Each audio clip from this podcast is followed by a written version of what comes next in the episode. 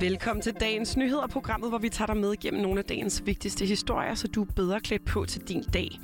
Din vært på denne mandag den 27. september, det er mig, Anna Monk og med mig i studiet har jeg Mathias Damgaard Holst. Og hvad skal vi se på i dag, Mathias? Godmorgen, Anne. Jamen, øh, tyskerne de har været til valg, Ja. og øh, der er altså lagt op til et af de mest spændende valg i årtier, Mhm. mm-hmm. og det tager vi et kig på resultatet, hvad det, hvad det bliver.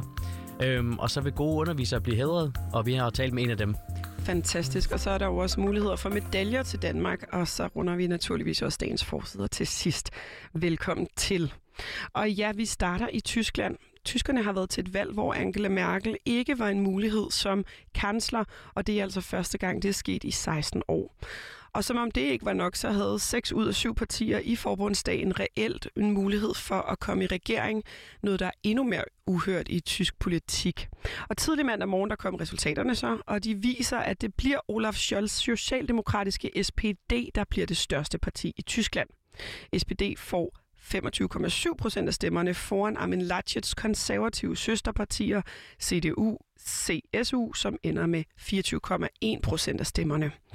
SPD de går altså dermed frem med 5 procentpoint i forhold til valget i 2017, mens CDU og SCU uden Merkel denne gang får det dårligste valgresultat siden 2. verdenskrig. Det er dog stadig uafklaret, hvem der skal overtage faklen fra den efterhånden legendariske Angela Merkel for at blive Tysklands nye kansler.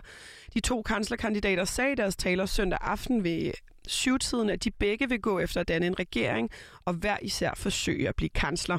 Men det kan dog sagtens tage flere uger og måske endda måneder før en af de to overstående får dannet en regering. De har vist nok i hvert fald lovet, at det bliver på den her side af julen. Og lørdag, der vurderede Thomas Wiener Fris, som er underviser i tysk historie og samfundsforhold på Syddansk Universitet, og desuden gæsteprofessor på Europa-universitetet i Flensborg, at de grønne og de liberale meget vel kan blive kongemagerne i det her valg. Ja, om det nu bliver en, en Jamaica med, med de konservative, eller om det bliver en, en lyskrydskoalition med, med Socialdemokraterne, det kommer måske ikke til at, at hænge sammen med, hvor, hvor meget at Socialdemokraterne eller de konservative er parat til at betale for eksempel de grønne. Altså, hvor, hvor, hvor meget klimaomstilling, og hvor hurtig klimaomstilling kan man nå at få, øh, og måske også, øh, hvor, hvor meget kan vi løfte den digitale dagsorden, som jo er en af de liberales øh, kernesager.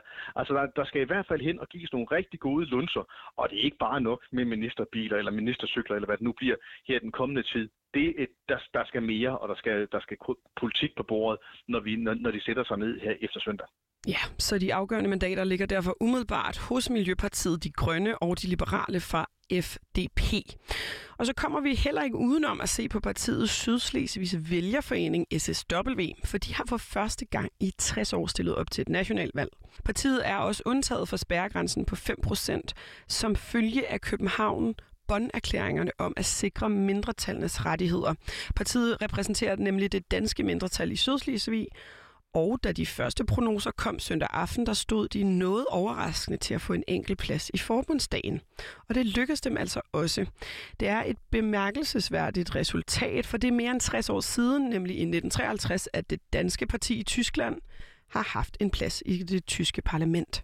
Det bliver Stefan Seidler, der skal til Berlin som dansktalende parlamentariker.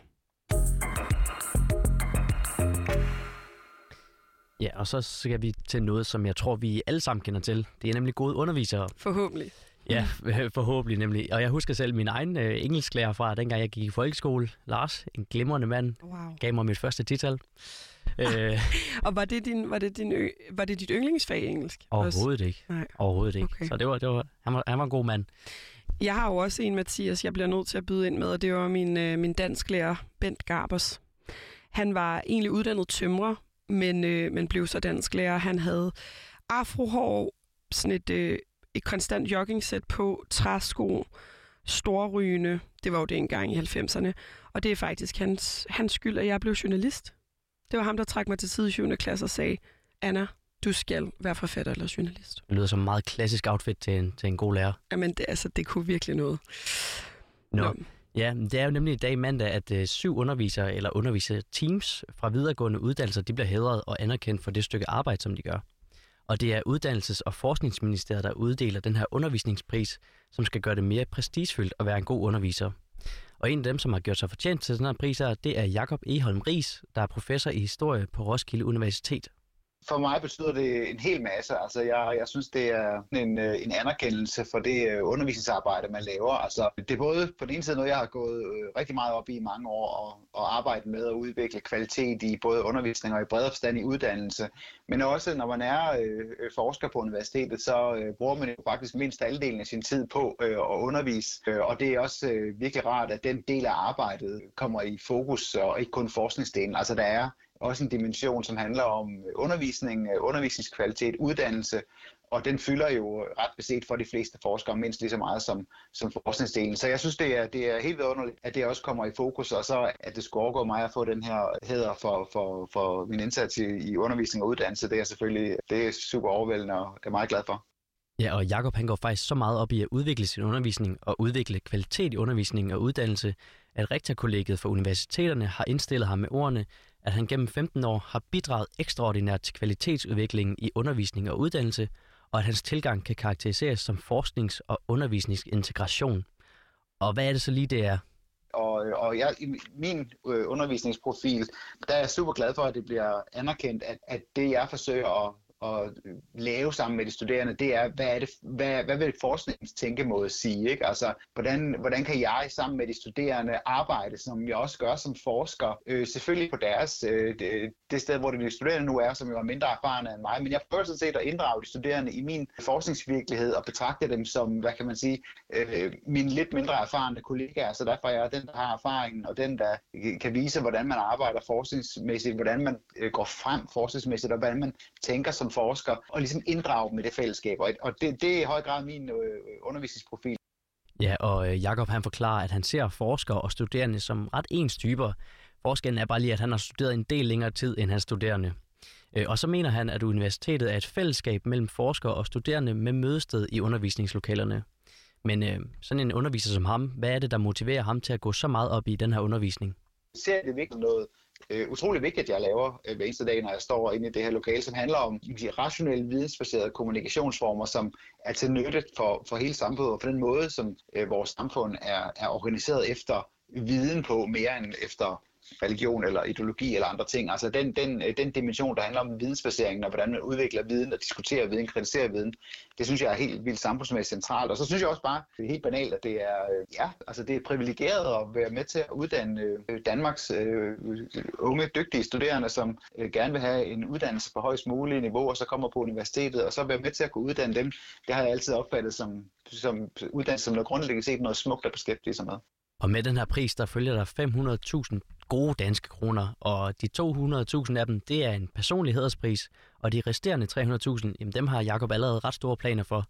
Der har jeg tidligere øh, organiseret en del projekter, som har lavet nogle eksperimenter med, hvordan man kunne øh, løfte kvaliteten af uddannelse. Jeg tror også, det er en del af begrundelsen for, hvorfor jeg modtager den her pris. Øh, og jeg har tænkt mig bestemt at bruge pengene til at øh, slå ned nogle nye steder, hvor man kunne tænke sig at løfte kvaliteten i de sammenhænge, jeg selv øh, deltager i. Og så vil jeg invitere kollegaer og studerende til at, at deltage i de her eksperimenter, og så få evalueret dem bagefter på en måde, så vi kan se, om det er noget, vi kan bruge til yderligere kvalitetsløft. Ja, og øh, prisen den uddeles af uddannelses- og forskningsminister Jesper Petersen og kronprinsesse Mary i dag fra kl. 14. Og så følger vi lige op på Bocuse d'Or. Øh, for søndag var det danske hold i aktion ved den prestigefyldte kokkekonkurrence, og i dag mandag falder afgørelsen så. Og målet for den danske kandidat Ronny Væksø Mortensen, det er stadig at få guld efter, at de to serveringer blev klaret søndag. Det fortæller hans coach Rasmus Kofod, der er medejer af Geranium, hvor Ronny til dagligt arbejder. Vi endte med at få rigtig, rigtig god feedback fra dommerne. Og det er jo det eneste, vi ved. Vi har jo ikke set på ingen eller noget. Så, så jeg synes, vi har en, øh, en god mavefornemmelse, og øh, forhåbentlig kan vi ramme øh, podiet. Øh, det er det, vores mål har været, og det, øh, det håber jeg, tror jeg stadig på efter i dag. Det danske hold har i år skulle lave to serveringer. Den første, det var en træretters takeaway-menu med cherrytomater som hovedingrediens og den anden det var altså en fadservering, hvor hovedingrediensen var okseborgkile. Dertil skulle der serveres en sauce og tre slags tilbehør. Der har været flere kriterier til, de, til hver af de her retter, men der har også været plads til kokkenes egen kreative udfoldelse.